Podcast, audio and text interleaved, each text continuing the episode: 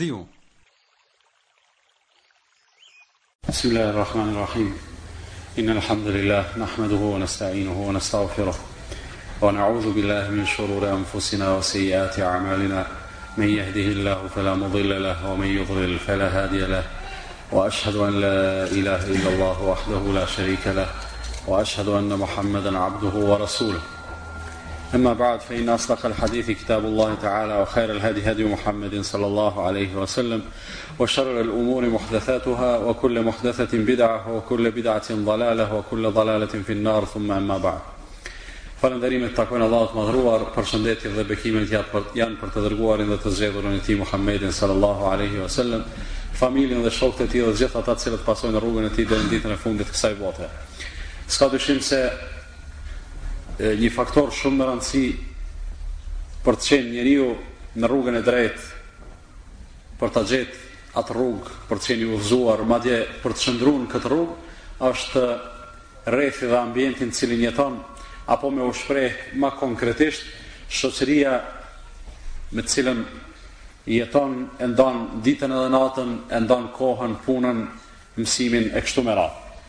Andaj kemi shumë citate prej Kur'anit edhe prej sunnetit të Muhammedit sallallahu alaihi wasallam që na tregojnë se sa është e rëndësishme shoqëria, sa është e rrezikshme shoqëria e keqe dhe sa është e dobishme shoqëria e mirë. Dhe në këtë drejtim është bë do të thotë fjalë shumë herë më përpara dhe ne sonte e kemi një temë çka do të thotë që të shoqërohesh dhe të rrish me njerëzit e besimit, të shoqërohesh dhe të rrish me besimtarët. Resulullah sallallahu alaihi wasallam e ka definuar besimtarin në aspektin e shoqërimit, Ka thënë El Mu'minu Ma'lafetun wa la khayra fi man la yu'laf. Thotë besimtari gjithsesi duhet me qenë i shoqërueshëm dhe nuk ka hajr në atë person i cili nuk shoqërohet, i cili nuk është i shoqërueshëm. Kur themi është apo nuk është i shoqërueshëm, nuk mundet ta kuptojmë fjalën drejtë de mos na bie ndërmend ana e kundërt e të qenurit i shoqërueshëm. E ajo është me qenë i egër.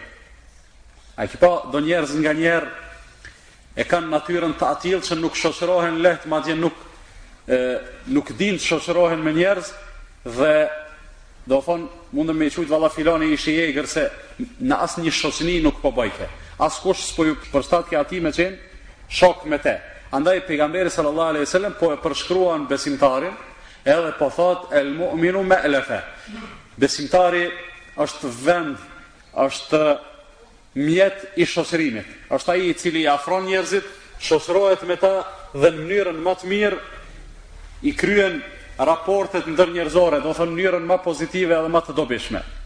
Gjithashtu ekziston një hadith tjetër i Resulullahit sallallahu alaihi wasallam në të cilin E jep një udhëzim të madh edhe të vlefshëm, thotë Resulullahi sallallahu alejhi ve sellem, La tusahib illa mu'minan wa la ya'kul ta'amaka illa taqi. Mos u shoqëro përveç se me besimtar.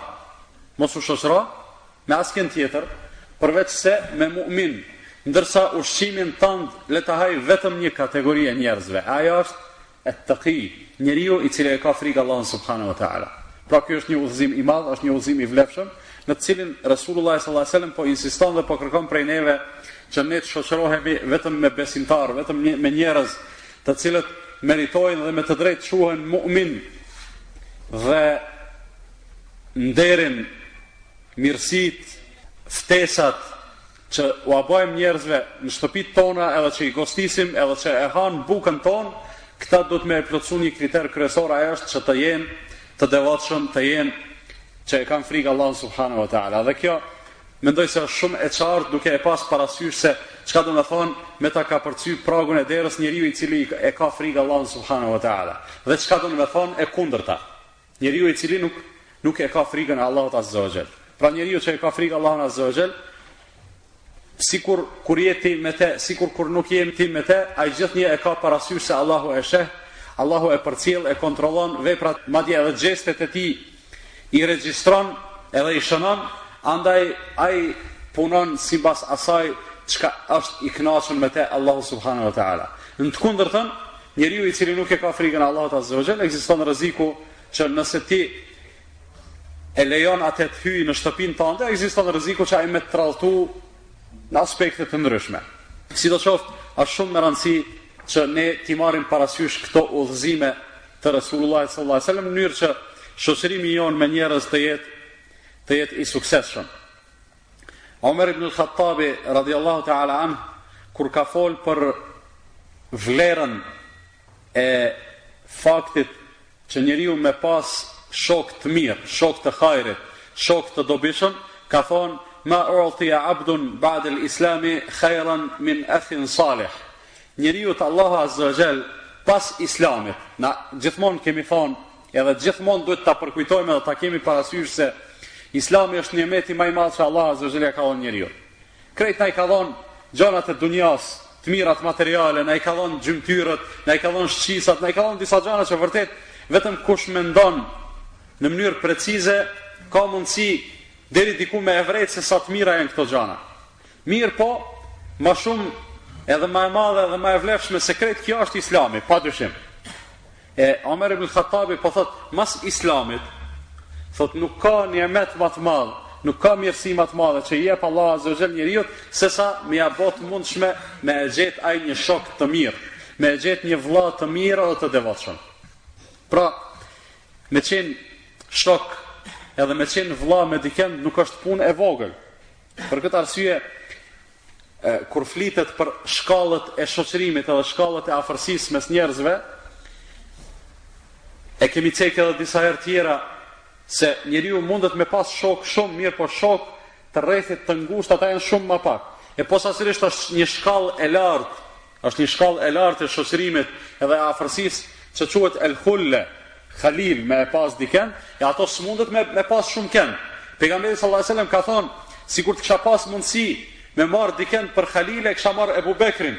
Mirëpo, për arsye se un jam Khalili i Allahut, s'muj me e marr diken tjetër Khalil. Ndërsa Allahu subhanahu wa taala vetëm për dy pejgamberë ka thonë se I ka Khalila, ata janë Ibrahimi edhe Muhamedi alejhimus salatu was selam. Pra, ashtë shumë me randësi njeriu me pas shok, me pas vëlla, me pas diken të afërt. Mirëpo njëkohësisht ashtë shumë me randësi që ky njeri, zaten kjo është e kërkume, që ky njeri me qenë salih, njeri i mirë, njeri që e don Allahun, e don të dërguarin e tij, po njëkohësisht e don Allahu dhe i dërguari i tij, e ne nuk e dim kënd e don Allahu dhe i dërguari i tij, mirëpo i dim sifatet edhe cilësitë e atyre njerëzve, cilët Allahu i don edhe cilët i ka lavdru Resulullah sallallahu alaihi wasallam. Do thonë i dim cilat janë cilësitë edhe kur të shohim një njeri se i ka ato cilësi, shpresojmë me të drejtë shpresojmë se ai njeri Ashtë inshallah prej atyre të cilët e, i do Allahu edhe të cilët i ka përshkru i dërguari i tij Muhammedi sallallahu alaihi wasallam. Abu Darda radhiyallahu anhu një sahabi i njohur prej sahabëve, prej shokëve të Muhammedit sallallahu alaihi wasallam, ka thonë sikur të mos ishin tri gjana Sikur të mos ishin tri gjana, thotë, barku i tokës apo brendia e tokës do të ishte më e dashur për mua sesa shpina e saj. Do thonë ma shumë kisha pas qejf me jetu nën tokë se mbi tokë. Ma shumë kisha pas qejf me një fjalë me qenë i vdekun sesa i gjallë, ama sikur të mos ishin Tri gjana, E para, thotë Leula ikhwanun li ya'tuni yantaquna tayyib al-kalami kama yuntaqa tayyib at-tamr. Thotë, e, e para mirësi, e cila e tërhjek njeriun e mirë me qenë në dunja dhe me jetu në dunja, thot disa vllezër të mirë, disa njerëz edhe burra të mirë, me të cilët kur rri Kur shoqërohem me ta, thotë ata i zgjedhin fjalët çashtu qysh një grup njerëz kur ulen me hangër pemë, me hangër hurma, thotë i zgjedhin hurmat ma të mira. Do thonë çashtu i zgjedhin fjalët sikurse i zgjedh njeriu frytet ma të mira për me i hangër. E dyta, eu en uafira vegjhi sagjiden lillahi azza ve gjell, Mirësia e dytë dhe arsyeja e dytë pse Ebu Derdaja ka pas dëshirë me nejtë në dunja është që thot une me e shkarravit ballin tim edhe ftyrën time në sexhde për hir të Allahut subhanahu wa ta'ala. Edhe e treta, eu gadwatun, eu rauhatun fi sebilillahi azze wa xhel, me shku ose me u kthy në rrugën e Allahut subhanahu wa taala, do thonë me dal në xhihad, me dal në aktivitet edhe në luftë, edhe në angazhim, i cili kërkon sakrificë për Allahun subhanahu wa taala. Pra të nderuar vëllezër, sahabët e Resulullahit sallallahu alaihi wasallam, ata që u edukuan me fjalët edhe udhëzimet e Muhamedit alayhi salatu wasalam, ata nuk e kanë dasht dunjan për diçka tjetër, vetëm pse vetëm se E kanë kuptu se dunjaja asht bashqja edhe ara e ahiretit, në dunja mbillen të mirat e ahiretit. Vetëm për këtë gja e kanë dashtë dunjan. Pra e ka dashtë për shkak të shoqërisë së mirë, e ka dashtë për shkak të ibadetit edhe sexhdes edhe e ka dashtë për shkak të xhihadit. Dikush tjetër ka thonë tri gjana Gjithashtu e ka përmend shoqërinë e mirë, e ka përmend namazin e natës edhe e ka përmend namazin n'xhemat. Me një fjalë, njerëzit e mirë edhe të udhëzuar drejt në rrugën e Allahut subhanahu wa taala. E sahabët pa dyshim janë të këtill, dunjan e kanë dashtë vetëm për arsye se në to në dunja ka gjana të cilat të afrojnë tek Allahu azza wa jall, e ata e kanë ditë se të jetosh në dunja E ke shansin që të afrohesh tek Allahu, për arsye se kur përfundon jeta, kur të vdes njeriu, s'ka mo me bo vepra. S'mundet i vdekuni me bo vepra. S'mundet i vdekuni me përfitu, përveç rastet specifike që i ka përmend pejgamberi sallallahu alajhi wasallam, por në përgjithësi kshtu është. Pra e kanë shfrytzu kohën sa kanë qenë gjallë që sa ma tepër me i ngrit derexhet e veta, me i ngrit autoritetin dhe pozitën e tyre tek Allahu subhanahu subhanahu wa ta'ala. Gjithashtu është një thanje tjetër e Omer ibn Khattabit radiallahu anh, i cili thot, thot shoqërohu me njerëz edhe zgjidhi shokët apo vllezrit me të cilët ke me u shoqëru, thot qaq sa e sheh se në mesin se, se tek ata ka devotshmëri. Do thonë, simbas nivelit të devotshmërisë që ti e vren tek ata, qaq shoqërohu, qaq shoqërohu me ata. Gjithashtu thot, Kur të dojsh me folë diçka, mos fol para çdokujt, po fol vetëm para atyre të cilët janë të gatshëm me e ndigju fjalën tënde. Para atyre të cilët kanë dëshirë me të ndigju ty. Domethënë mos fol para çdokujt. Nganjëherë njeriu është n'asi n'asi rrethi, n'asi vendi, fillon me ligjëru diçka, fillon me fol diçka, a në të vërtetë fjalët e tij kërkush s'ka qef me ndigju. Në raste specifike bon njeriu me fol s'paku sa sa me u e liru prej obligimit të komunikimit të fjalës së Allahut Azza wa Jall. Mirpo, nuk është me çdo kusht veç të flas. Po fol vetëm aty ku njerëzit kanë dëshirë me ndigju, me ndigju fjalën tënde. Pastaj thot dhe nevojën tënde, ato çka ki nevojë, ato çka je ngusht, thot mos e paraqit para askujt, përveç para atyne të cilët kanë dëshirë me të ndihmu me t'i kalu atë vështirësi. Pra, për gjanat të cilat, për vështirësitë me të cilat ti je godit, edhe të cilat të kanë gjetë, edhe me të cilat ballafaqohesh, mos ju anko çdo kujt. Se ankesa e bën njeriun të dobët edhe të ulët. Ankesa e nënçmon njeriun. Posaçërisht nëse ajo bëhet pa vend, e pa vend është kur ti ankohesh dikujt i cili e din edhe ti vetë se ai s'ka mundësi me të ndihmu. Për shembull, je smut e po i ankohesh një njeriu i cili s'ka lidhje me mjeksi. Apo je në varfëri, po i ankohesh një njeriu që është më i varfër se ti. Ose je në një hall për cilin duhet mençuri, e po i ankohesh një njeriu i cili as afër teje nuk është me mençuri edhe me pjekuri. Do thon, ankesat duhet njeriu me me i bë me mas, me ju anku vetëm Allahut subhanahu wa taala në fillim edhe në fund, mirëpo në rast nevoje të skajshme me ju anku edhe atij që shpreson se do thon ka me i ndihmu edhe ka me e gjet e ato çka i vyn tek ai person. Andaj thot nevojat tua mos i paraqit para askujt përveç atij i cili ka dëshirë edhe edhe gatishmëri me i realizu ato edhe me i mbulu ato. Pastaj thot mos ju merr lakmi të gjallëve. Mos ju merr lakmi të gjallëve përveç me ato çka ju merr lakmi të vdekunve. Një fjalë shumë e madhe. Ndoshta në shikim të parë pak e vështirë me e kuptu, mirëpo shumë lehtë keni me e kuptu kur t'ju marr shembull. Kujna i marrim lakmi na prej atyne çka kanë vdek? Ndonjë miliarderi, ndonjë kryetari t'shtetit, ndonjë artisti, jo. I marrim lakmi Ebu Bekrit edhe Omerit. Do thon, kur, kur flasim për ata çka kanë kalu, Thojmë vallahi i marrim lakmi Ebu Bekrit edhe Omerit, edhe sahabeve të Resulullahit sallallahu alaihi wasallam. Ju marrim lakmi ata të cilët na kanë parapri me iman, edhe në atë gjendje kanë vdek. Edhe gjatë gjat kohës së jetës së tyre, derisa kanë jetu në dunja, ata kanë dëshmu se vërtet janë njerëz të mirë. Qatyne ju marrim lakmi.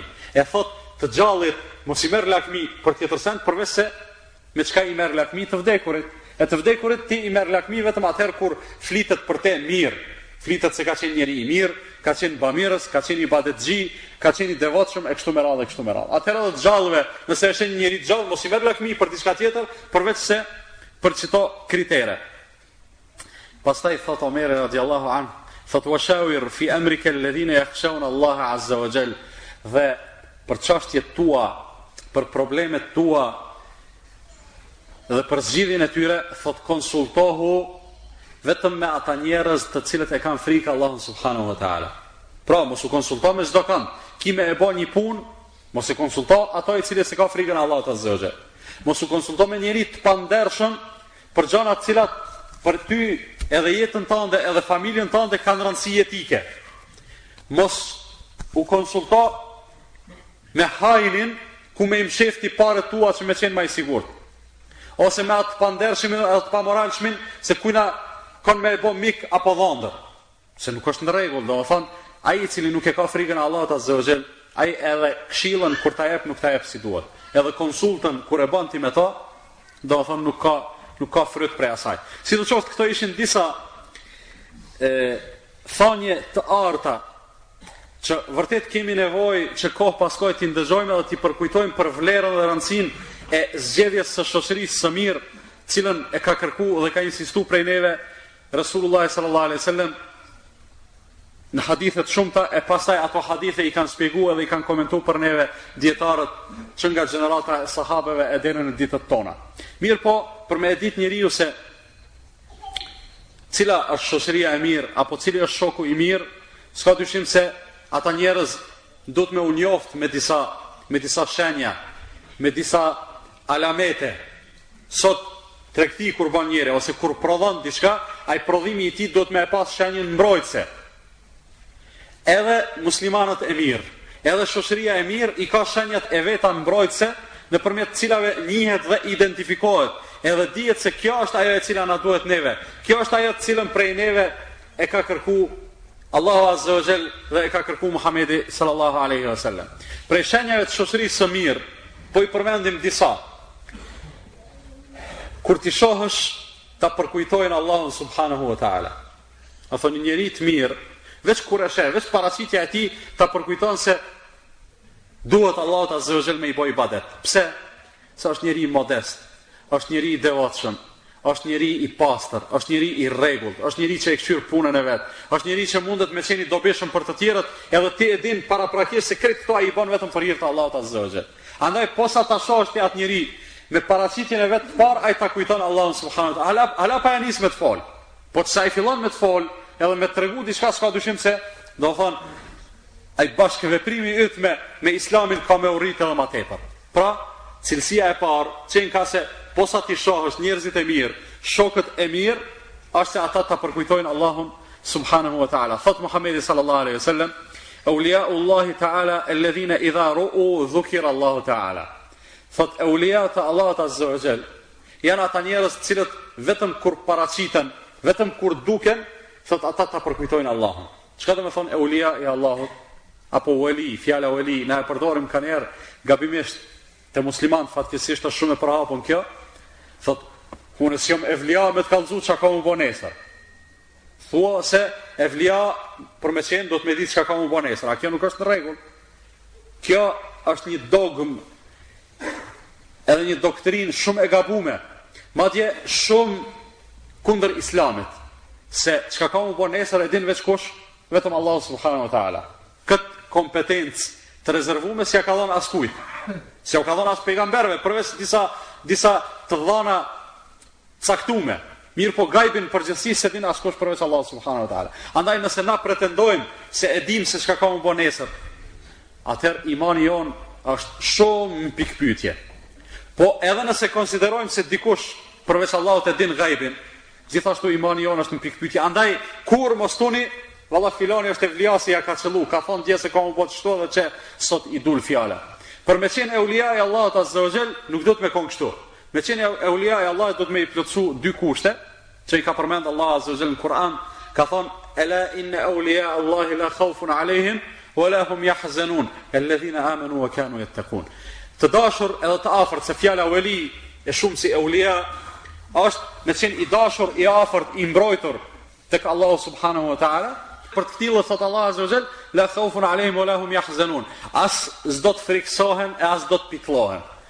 As friksohen në dunja e as nuk pikëllohen në ahiret. Cilat janë cilësitë e tyre? Dy cilësi, alladhina amanu wa kanu yattaqun. Ata të cilët besojnë, kanë iman, edhe e kanë frikën e Allahut subhanahu wa taala. Qito dy kushte kush i ka është eulia. E Resulullah sallallahu alaihi wasallam po thotë se eulia, domethonë ata që besojnë, edhe e kanë frikën e Allahut azza wa jalla, ata veç kur paraqiten ta kujtojnë ty Allahun subhanahu wa taala. Hala pa ja nis me fol. Derisa falen, derisa hecin, derisa sillen, derisa shesin, blejnë, çfarëdo që bojnë, domethonë, ti kur ta sheh, e sheh se vërtet ai njeri e ka frikën e Allahut edhe ty të kujtohet Allahu subhanahu wa taala. E lere ma kur i atilli ja nis edhe me të fol, edhe me të tregu, edhe fjalët e tij burojnë nga zemra me sinqeritet, s'ka dyshim se edhe ato kanë me gjet vend në zemër.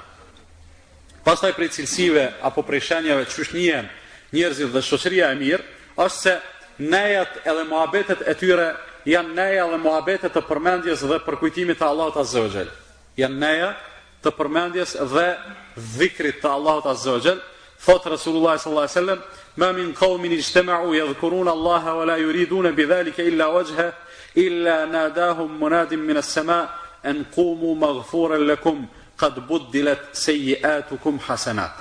Thotë kur të kur të takohen edhe tubohen disa njerëz me e përmend Allahun subhanahu wa taala. Me e përmend Allahun, domethonë qeshtu sikur na qetash. Na s'jemi tu bo diçka tjetër veç po e përmendim Allahun, po përmendim ato edhe po e mësojmë ato e cila na afron ma tepër tek Allahu azza wa jall. Na pastron shpirtërisht, na ngrit në autoritet dhe pozitë tek Allahu dhe na bon ma të mirë. Pra, kështu kur tubojnë njerëzit me e përmend Allahun dhe nuk kanë synim tjetër përveç do të thonë kënaqësis së Allahut azze ue xhel edhe për me e pa fytyrën e Allahut në xhennet. Thot nada munadim min as-sama. Do thret dikush prej qiellit. Do t'ju thuhet en qumu maghfuran lakum. Kur të përfundon ky tubim ngrituni edhe shkoni te shtëpia se Allahu ja u ka fal gjynahet.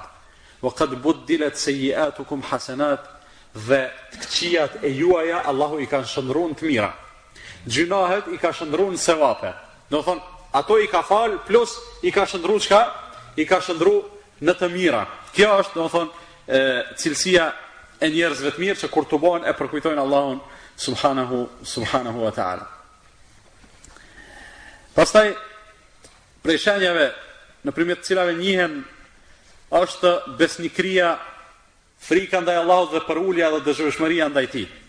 Thot Omer ibn al-Khattabi radiallahu ta'ala an, Omeri radiallahu an, ndoshta, ndoshta po çuditeni pse po e përmendim po vazhdimisht kur kemi të bëjmë me disa thanje të urta dhe të qëllume të Omerit, po e përmendim nganjëherë ma shumë se Ebu Bekrin. Ne dëshmojmë se Ebu Bekri ka qenë më i mirë dhe më i vlefshëm se Omeri. Se me me dëshminë e Allahut dhe të pejgamberit sallallahu alejhi dhe sellem. Edhe kjo është qëndrimi i besimtarit edhe akidia e besimtarit. Mirëpo, Omeri radiallahu an ka lon shumë fjalë të forta mas vete. Ekziston një hadith në cilin thuhet sikur të kish pas pejgamber mas meje, kish me qenë Omeri. I ka thonë disa fjalë dhe i ka marrë disa qëndrime. Hala pa zbrit ajetet, qëndrimet e tij janë kon çka? Sakta dhe Allahu Azza wa jall ka shpall ajete edhe dispozita të cilat janë kon konform qëndrimeve të Omerit radhiyallahu anhu. Në disa raste, Disa thonë janë njëmbëdhjetë raste, disa thonë janë shtatëmbëdhjetë raste. Një rast me pas qenë, njeri thotë elhamdulillah. Vërtet paska qenë burrë i madh.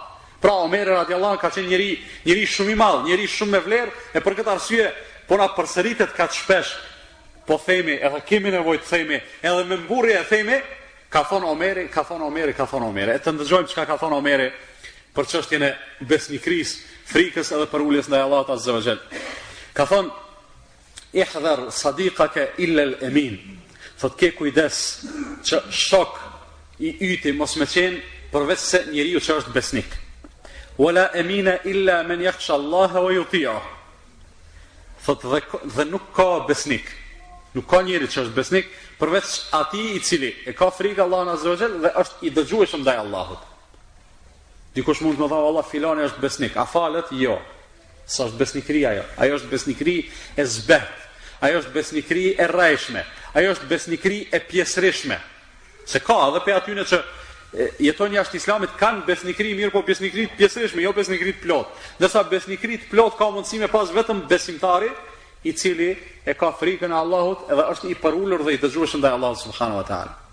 Pastaj thot Omeri: "Wala tamshi ma'al fajir Fejuallimeke min fuxhurihi, dhe mos hec me të pabesin, mos hec me mëkatarin, mos hec me njeriun e prishtë se ai ta mëson zanatin e vet.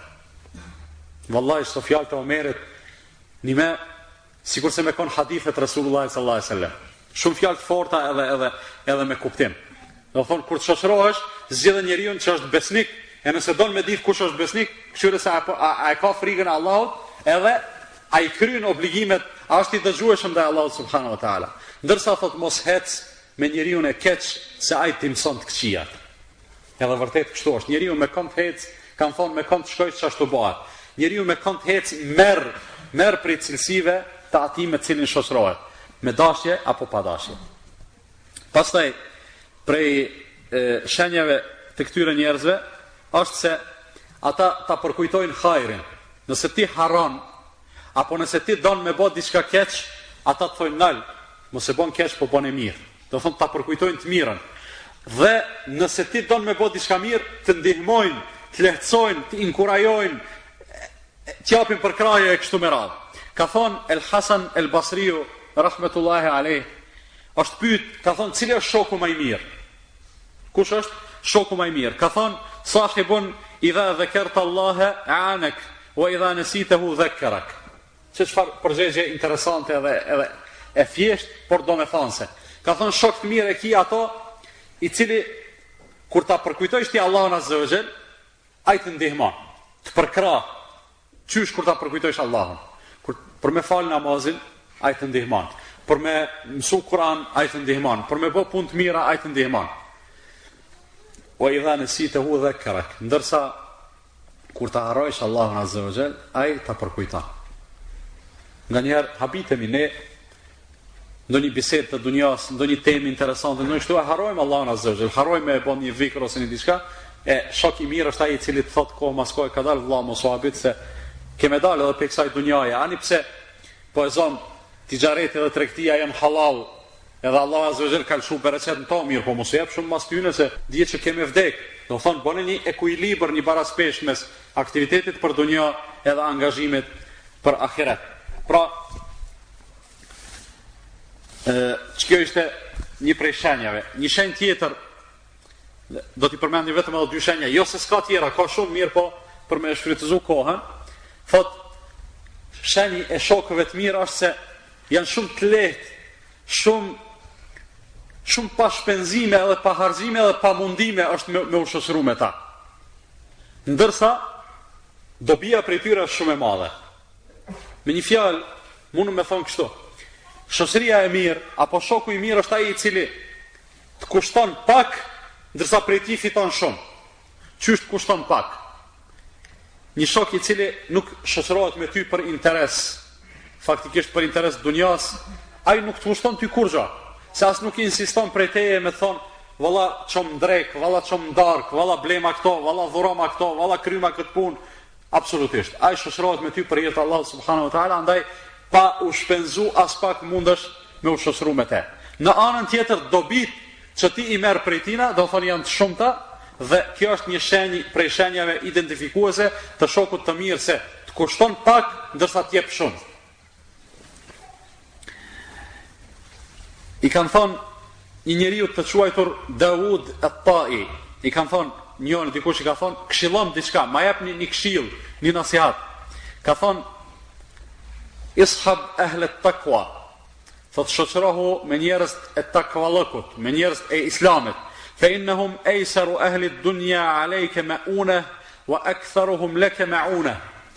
Thotë shoqërohu me njerëz të mirë, me njerëz të Islamit për arsye se prej krejt njerëzve të dunjas ata shoqërimi me ta të kushton mas liri.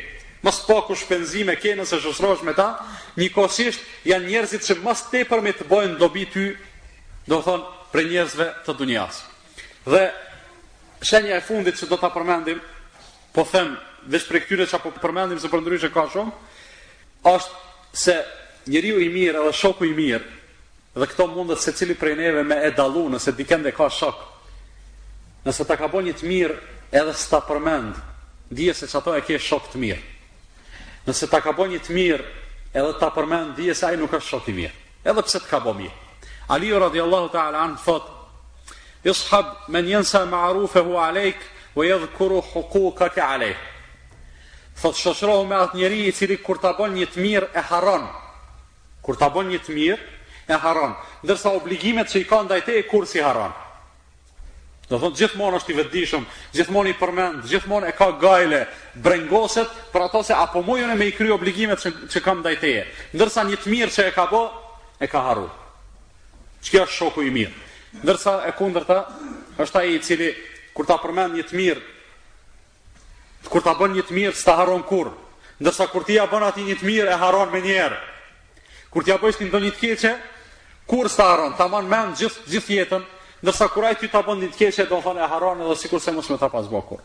Domethonë çka, qeto janë disa gjëra shumë me rëndësi në aspektin e shoqërimit. Kalojmë te Një pikë tjetër ajo është kur shoqërohesh me njerëz të këtillë, kur e ke një shoqëri të mirë, cilat janë reflektimet e asaj shoqërie? Çka reflektojnë, cilat janë dobit, çfarë gjurmë lojnë ata në jetën tënde? Do thon derisa ti shoqërohesh me ta.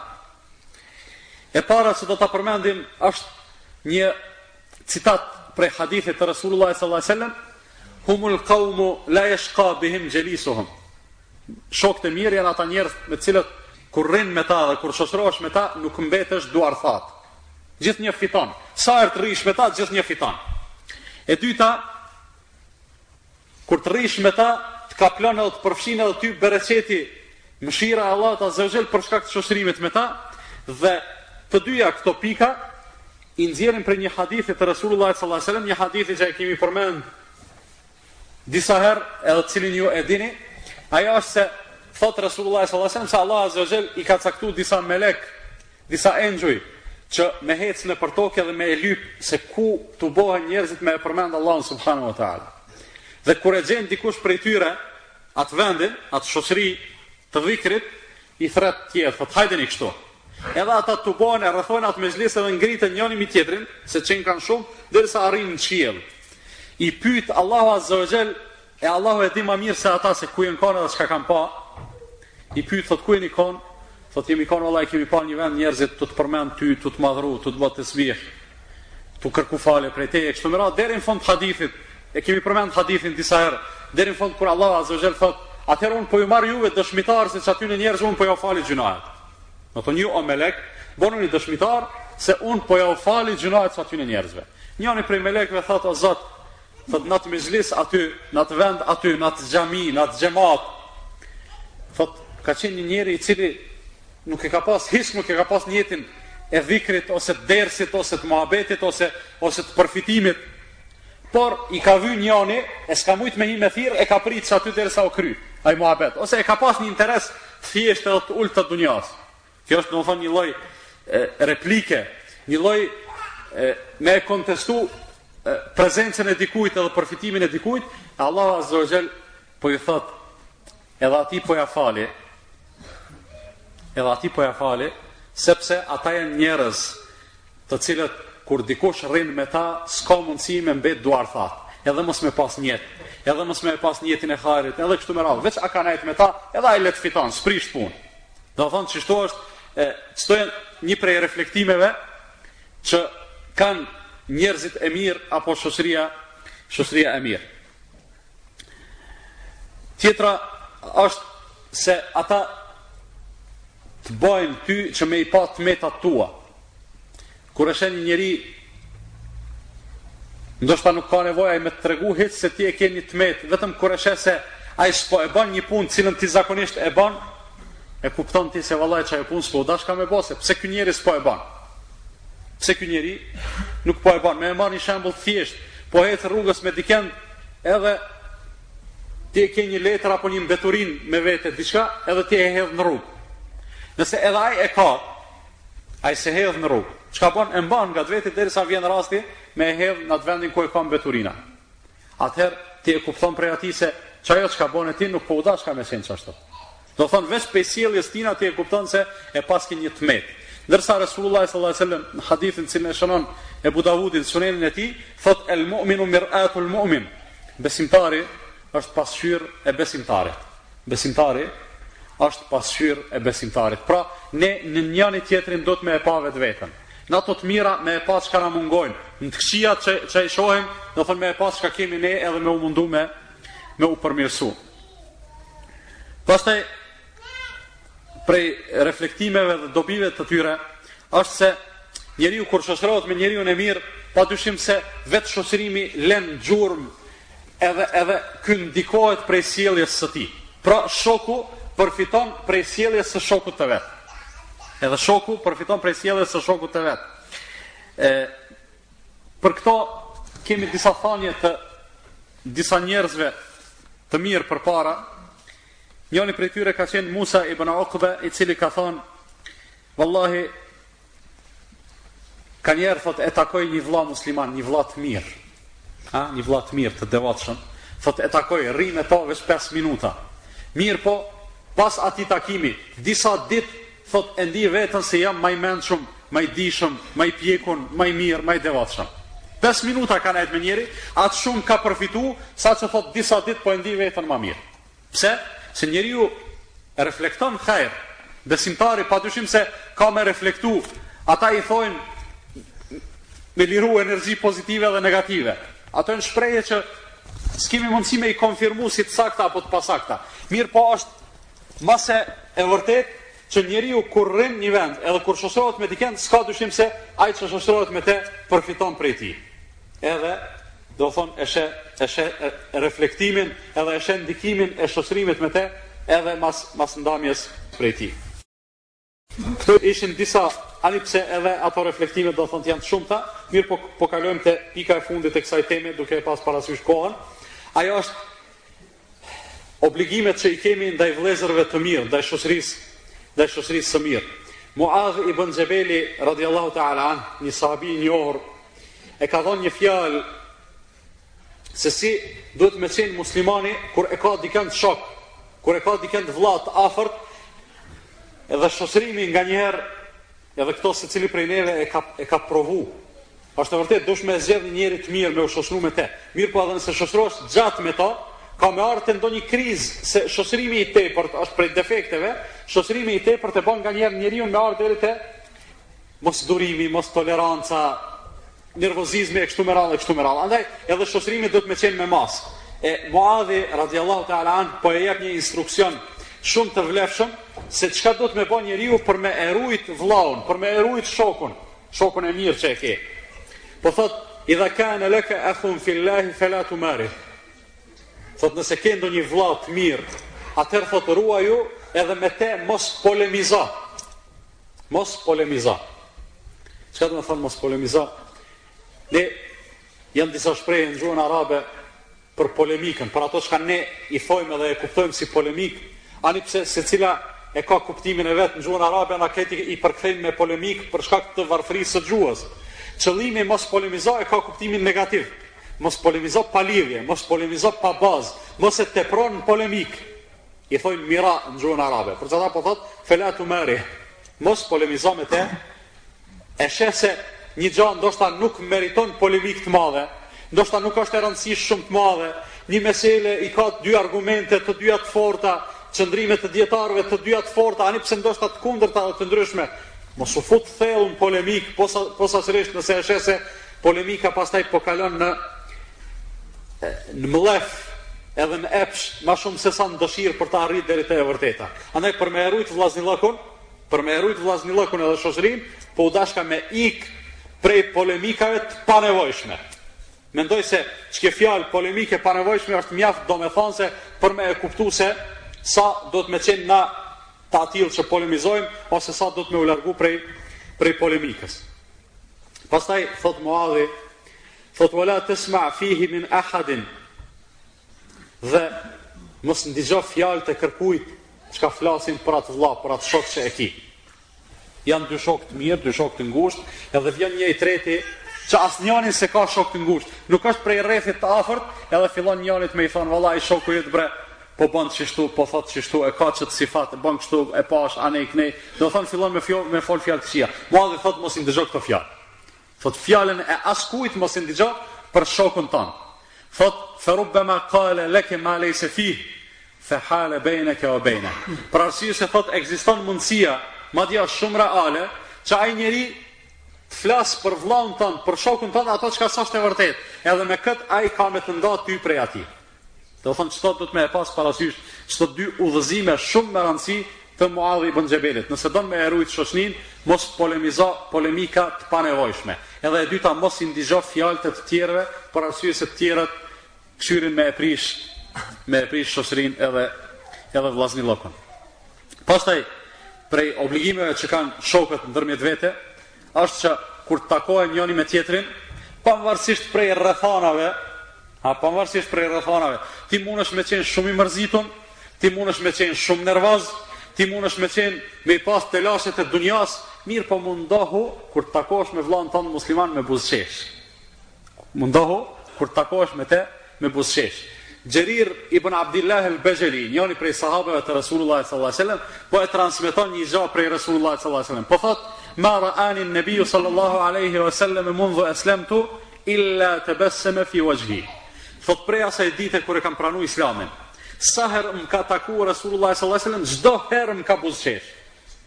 Çka u merr mendja? A ka qenë pejgamberi sallallahu alajhi wasallam gjithë rahat prej problemeve? A ka qenë gjithmonë njëjtë i disponum? A ka qenë gjithmonë pa mërzia, pa gajle, pa brenga? Jo vallahi, bile ai ma s'shumti ka pas gajle dhe probleme. Se i kanë ra hise gajlet e krejt umetit, madje gajlet e krejt njerëzimit.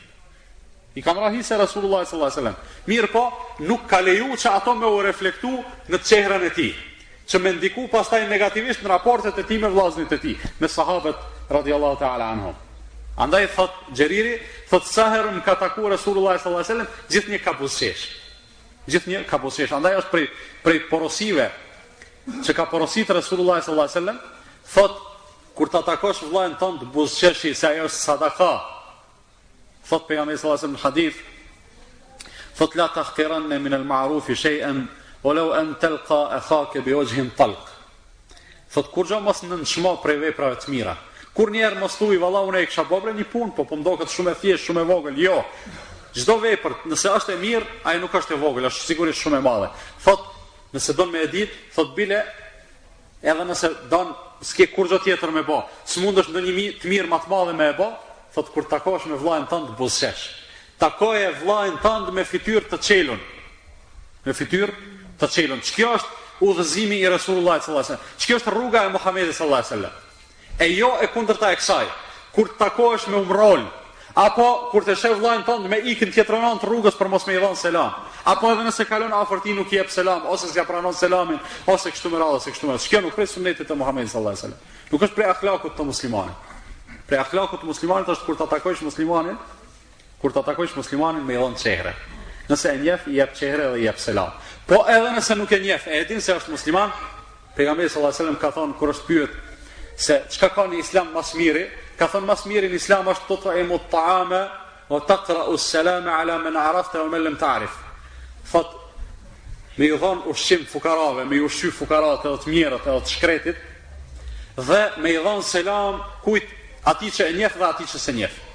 nëse e di se është musliman normalisht. Andaj është shumë gabim i madh disa musliman që sot ikin e nuk i japin muslimanëve selam për shkak të shkafit, për shkak të paragjykimeve. Jo për shkak të argumenteve, po për shkak të paragjykimeve. Valla filani është kështu, filani rrin me filanin, filani merr prej filanit e kështu me radhë, un atij s'po i jap selam. Pse? Apo për shkak të rezervave të ndryshme edhe pa e njoftë njerin mirë, njeriu sharron shumë, shumë sharron, pa e njoftë njerin mirë, jep gjykim për ta. Pse? Valla e pashë tu nejt me filonin, ai filoni, unë e diçka s'më flen zemra te ai, e filonin e pashë, nuk e njoh mirë, po masi e pashë në atë shoqni, ai mund, ai s'do të me qenë njeri i mirë. Çka është në esencë të muslimani? Në esencë është që muslimani me qenë i mirë, e nuk është esencë muslimani me qenë i keq. Pra, esencë është muslimani me qenë i mirë edhe i pastër, përderisa nuk dëshmohet se është i keq. Përderisa nuk dëshmohet se e ka bo filan gjynahin, filan krimin, filan ato, filan ato. Qështu duhet me e konsideru muslimani, të pafajshëm, të pastër, të mirë, të devotshëm, përderisa nuk argumentohet edhe dëshmohet e kundërta. Andaj e njofte apo nuk e njofte, Pejgamberi sallallahu alejhi ve sellem po të porositë jepi selam. E njofte apo nuk e njofte kur takohesh me te buzqeshi, çele çele fytyrën. Bone fytyrën e çelun edhe të mirë, se qekjo është fytyra e muslimanit. Qishtu ka vepru Muhamedi sallallahu alejhi ve sellem. Dhe është edhe një edhe një pikë që po du me e përmend, ka edhe në këtë kontekst pika të shumta, mirëpo koha po përfundon. Nëse don njeriu me qenë shoqëria e suksesshme, Edhe e mirë duhet me qenë bujar, dorlir, xhymert. Nëse është tamahqar, kurrnjë shoqni nuk ka mundësi me pas sukses, nëse janë dy tre shok, e njëni pej tyne ose, ose dy pej tyne janë tamahqar, kopraca. Kurrnjëherë shoqëria nuk ka mundësi me pas sukses, por njeriu nëse i thot dikuj vlla, nëse i thot dikuj vla, atëherë duhet me pas parasysh se qaj vlla që po i thu ti, qysh ka hise, Apo ke hise, t'mirën edhe t'keqen me e nda bashkë, me pas hise ai edhe në pasuninë tande, edhe ti me pas hise në pasuninë e tij. Përndryshe, nuk ka mundësi shoqëria me pas me pas sukses. Ka qenë një Amir ibn Abdullah ibn Zubair, djali i Abdullah ibn Zubairit radiallahu anhuma, Babën e ka pas sahabi edhe babgjyshin e ka pas sahabi. Ky Allah azze ue xhel i ka dhënë pasuni. Edhe në kohën e tij kanë jetu disa njerëz musliman të mirë, edhe dietar, po shumë të devotshëm. Kohën më të madhe kur s'kan pas me u marr me dituri me diçka e kanë kalu në xhami tu fal namaz, tu fal namaz nafile. Edhe ky çka ka bë? Ka marr ka një qese, Ka shti pare në ato qese, edhe kur kanë hi ata në namaz, ka shku te nallet ja u ka lanë. Do thonë, sikur me thonë tash në këpuca, me ardhë dikush, një grup njerëz këtu tu u falë, ai në këpuca me u lanë, do thonë, kado pare. Bujari e madhe, subhanallah, madje, hala ma të madhe dhe ma të çmushme e bon këtë vepër fakti se ai këto nuk e ka bo për me e dit ata. Po, Është bo vepër e fshehtë për Allahun subhanahu wa taala dhe Allahu veprat e këtilla kur janë të fshehta i çmon ma shumë. E ka pyet dikush ka thonë, s'po shkon drejt për drejt mja u dhon po pja u lën n'këpuca. Ka thonë me shku mja u dhon vet. Ja u dhon atyne, ata ngushtohen. Po edhe me e çu për dikën, edhe prej atij kanë me u ngushtu. Se njeriu kur merr, ha, ngushtohet. Do thonë marrja prej dikujt është nënçmim. Zgjatja e dorës është nënçmim padyshim, e ky ka dashtë edhe me iu ndihmu edhe njëkohësisht me i kursy ata prej këtij nënçmimi. Do thonë kështu, këto janë disa nga gjanat të cilat e bëjnë një shoqëri të suksesshme, mënyrë që ajo shoqëri me qenë ashtu si është i kënaqur Allahu subhanahu wa taala, e për fund ne e lusim Allahun azza wa jall që të na dhurojë shoqëri të mirë, shoqëri e cila na afron dhe na ndihmon në rrugën e afrimit tonë kah Allahu subhanahu wa taala. Allahu na dhuroftë shokë dhe vëllazën të atillë, të cilët kur e kujtojmë Allahun azza wa jall na ndihmojnë dhe na përkrahin, ndërsa kur e harrojmë Allahun ata na e përkujtojnë Allahun subhanahu wa taala. E them këtë që dëgjuat dhe kërkoj falje prej Allahut për vete dhe për ju, andaj edhe ju kërkoni falje se Allahu është falës dhe mëshirues.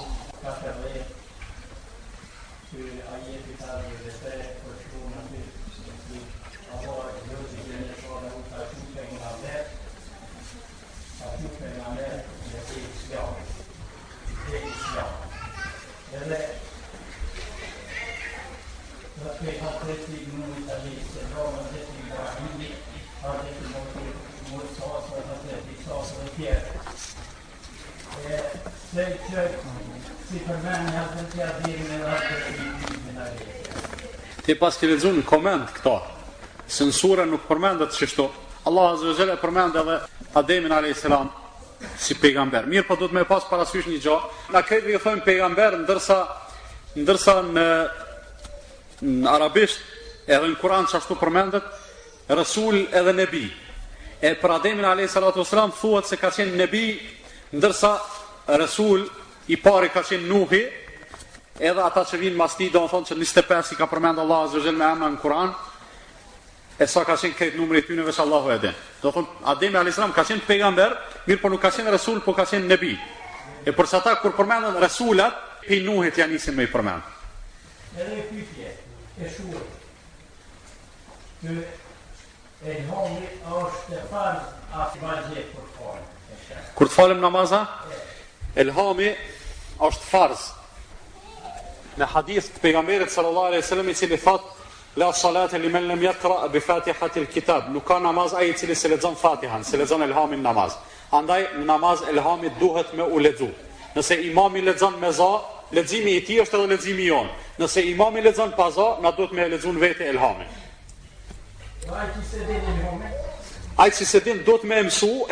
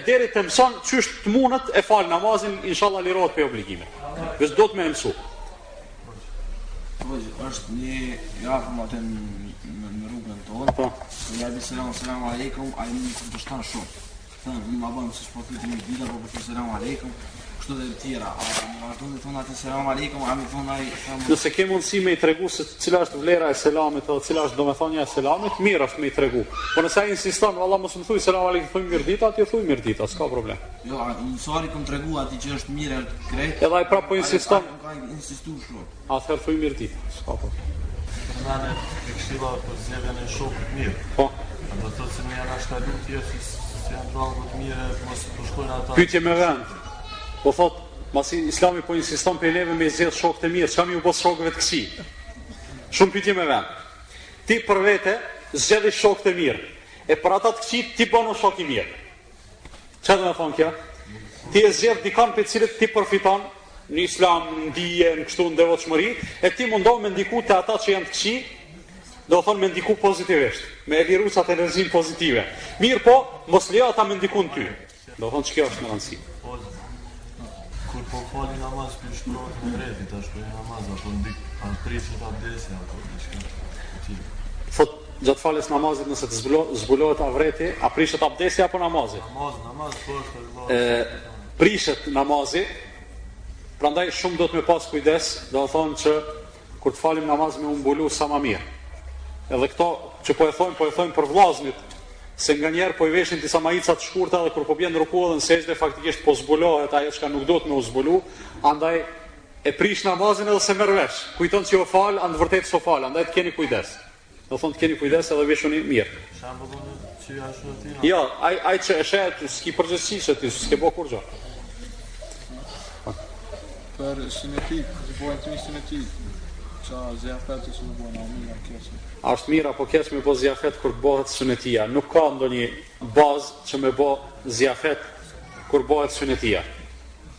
Domethonë nuk ka bazë me bo ziafet kur bohet synetia, andaj e, qysh i bojnë shumica e shqiptarëve, e nuk është në rregull, normalisht. Se po bon syneti, domethonë një, një vepër që Allahu e kërkon prej neve, a faktikisht sa muzika, sa lakuriqësia, sa, domethonë, plot, plot gjona t'kshija, domethonë që s'duhet me i bo muslimani. Po që ta shka orë kërë atë përshime Po? A lejohet me shku në det apo nuk lejohet? A lejohet me shku në deti? Shiqo, nuk duhet me e bo pytjen kështu, se vetë shkumja në deti nuk është, nuk është gjo e ndalume. Mirëpo gjanat që ndodhin atje, janë që e bojnë faktikisht atë at punë të papranushme për me shku. Domethonë lakuriqësia, dikush thotë po që unë nuk lakuriqohem, unë mbulohem, se janë mirë, po ajo çka sheh ti, domethonë faktikisht veten, veten tonde po e eksponon një rreziku shumë të madh. Andaj,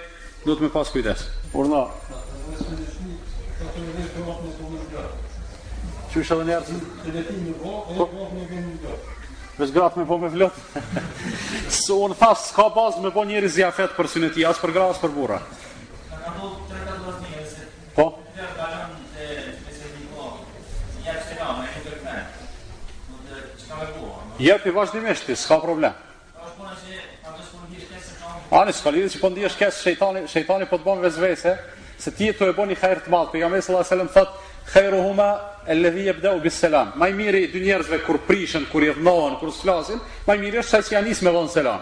E ti derisa je tu dhon selam, je tu e bo një punë të mirë, shejtani po mundohet me me të largu prej asaj. E ti mos u ndi keq, ndiu mirë. Ty le të vjen keq pse ai s'po pranon selamin, a po ti ndije veten mirë që je tu dhon selam. Po fillojmë me i lexu pyetjet që na kanë ardh prej motrave. Thot Esselamu alejkum. Thot një grup shoqesh jemi të mendimit se femra nuk duhet ta ban hixhamin. Ju lutem përgjigjeni në këtë pyetje. Kjo s'është pyetje, kjo koka konkluz. E tash unë duhet me e dhon komentin tim, domethon për këtë konkluz e cila Fillimisht është e gabume. Kur s'ka ndodh një gjë me qenë me vend si përfundim i asaj, valla një grup njerëzish jemi të mendimit që po e kënojmë Elhamin ose s'po e kënojmë Elhamin n'namaz. S'shkojnë këto punë kështu. N'din e kemi argumentin, domethon ajetin edhe hadithin e Resulullah sallallahu alaihi wasallam. Por derisa pejgamberi sallallahu alaihi wasallam ka porosit me u bo hixhami, atëherë s'ka dyshim se ajo është në rregull. Hixhami është një lloj Intervenimi kirurgjik, me thonë kushtimisht, i thjeshtë, i lehtë, për nxjerrjen e gjakut prej disa pjesëve të caktume të trupit, është një gjak i cili fillon me u ngjiz në trup, edhe me e nxjerr ka efekt shumë pozitiv, domethënë edhe edhe mjekësia ka filluar me e pranuar. Andaj, me thon valla, na jemi të mendimit se s'duhet me bo femrat hixhamin, duhet me pas argument për me pas kësi mendimi. Thot, kam pasur një motër muslimane që e kam dashtë për hir të Allahut, mirëpo, pas një kohe kam marrë vesh se ajo ka kaluar në një degë tjetër të islamit. Si të veproj, a të vazhdoj shoqërimin me ta? Ka kalu një degë tjetër të islamit, nëse ka kalu në ndonjë sekt apo ka deviju, mundohu me u shoqëru me te për me e kthy, me e drejtu prapë. Po nëse e sheh se ajo s'po drejtohet, e ekziston rreziku ty me domethon me të deviju atëherë duhesh me u largu prej prej saj tash varet prej sa është rreziku apo dobia e shoqërimit tënd me ta nëse një person bën mëkat a është mëkat me ja përhap mëkatin po nëse e bën fshehur asi gjynah është domethon se ti me ja bë me ja bë publik mëkatin e tij Lëja Allahut subhanahu wa taala fundi fundit ne nuk kemi kompetencë me i gjyku njerëzit edhe edhe me i marr njerëzit në pyetje edhe me i hetu gjynahet e tyre e kështu me radhë. Na jemi ata të cilët njerëzve ju tregojmë mos bëni gjynah, mos bëni këto, kjo është keq, kjo është mirë. Qaq sa dim, sa Allahu na ka dhënë mundësi. Mirëpo, nuk jemi të atillë që me bë hetime, me bë hulumtime, Me i shfaq ato me i publiku ato se nuk është në rregull për arsye se ai i cili e bën këtë punë vazhdimisht Allah azza wa jalla edhe mëkatet e tij pastaj ka me i publiku edhe ka me e nënçmu edhe me e poshtnu para njerëzve. Thot nëse një vëlla është i fejuar me një motër muslimane dhe ndërkohë e tradhton duke shkuar me ndonjë vajzë tjetër, a ka ndëshkim ky person prej Allahut azza wa jalla? Po s'ka dyshim se ka ndëshkim pavarësisht se është i fejuar apo është i pafejuar, nëse fillon me bë tradhtina të këtilla jo ndaj filanes, po ndaj ligjit edhe rregullave të Allahut subhanahu wa taala. Nëse një vajzë është fejuar me një djalë, dhe të dytë kanë qenë në xhahilijet dhe për mehr nuk kanë ditë asgjë dhe para se të martohen kanë hyrë të dy në islam. A i lejohet vajzës të kërkojë mehrin nga ai dhe obligohet ai t'ia jap atë këtë mehr. Po, do thon vajza posa ta merr vesh, se duhet me e kërku mehrin dhe është e drejtë e saj, ajo duhet me e kërku. Edhe ky posa t'ja kërkojë ajo e ka obligim me ia dhon, nëse merren vesh me ia dhon menjëherë ose me e dhon më vonë nëse merren vesh me ia dhon më vonë. A mundet njeriu me klonu? Njeri me klonu Nuk mundet, sigurisht se nuk mundet, se ajo është krijesa e Allahut subhanahu wa taala. Do të thonë nëse do njeri me klonu dikend apo diçkafin apo kështu me radhë, do të thonë sigurisht se e, ka me dështu se po i bën konkurrencë Allahut azza wa jalla, Allahu një konkurrencë të tij nuk e duron. Po njëkohësisht edhe s'ka aftësi njeriu me e bo një gja të tillë. Andaj Nëse dikush mendon se ka arrit klonohet duke e pa, duke i pa serialet e Amerikës Latine, atëherë s'ka dyshim se shihet se sa ja kanë la trunin ato seriale njeriut. A është hadithi i vërtetë Ebu Hurajra radijallahu anhu se Muhamedi sallallahu alaihi wasallam thotë, kush e prish një ditë agjërimin në Ramazan pa arsye apo sëmundje, nuk mund ta kompenzojë, Atë me agjërim shekullor, po, hadithi është i vërtetë edhe kështu është, me e prish një ditë të Ramazanit, pa arsye, atëherë ton jetën me ngjinu s'mundesh me e mrri sevapin e qasaj dite. A është i lejushëm itikafi në të gjitha xhamiat? Po, sipas mendimit, cilin unë e konsideroj të saktë, është i lejum në të gjitha xhamiat. Sipas disa historianëve, numri i mësuesve të Ebu Hanifes rahimahullah arrin në 4000, a është e vërtetë? Vëllai edhe këtë nuk e di, mirëpo e di një gjë që dietarët e mëhershëm të kohës të Ebu Hanifes, edhe ato gjenerata vërtet kanë marrë dije prej shumë mësuesve. Me thënë se i kanë pas nga disa qindra mësues, do thonë nuk gabon për filanin, për fistekun, e nuk kam lexu për Ebu Hanifën saksisht se sa mësues i ka pas, mirëpo sigurisht se ka marr, e ka marr dinin prej shumë mësuesve. Çfarë kuptimi ka hadithi i Muhamedit sallallahu alajhi wasallam? Mos i thoni el kermu, por i thoni el inabu. e për rrushin është fjala, për atë se ka disa shprehje të cilat përdoren për një e, destinim të caktum, do thonë, el kerm, nuk është kuptimi te vreshta, po është kuptimi te Allahu alem do thonë te një, te një e, fryt i rrushit prej cilit gjithsesi duhet me u prodhu alkooli. Andaj,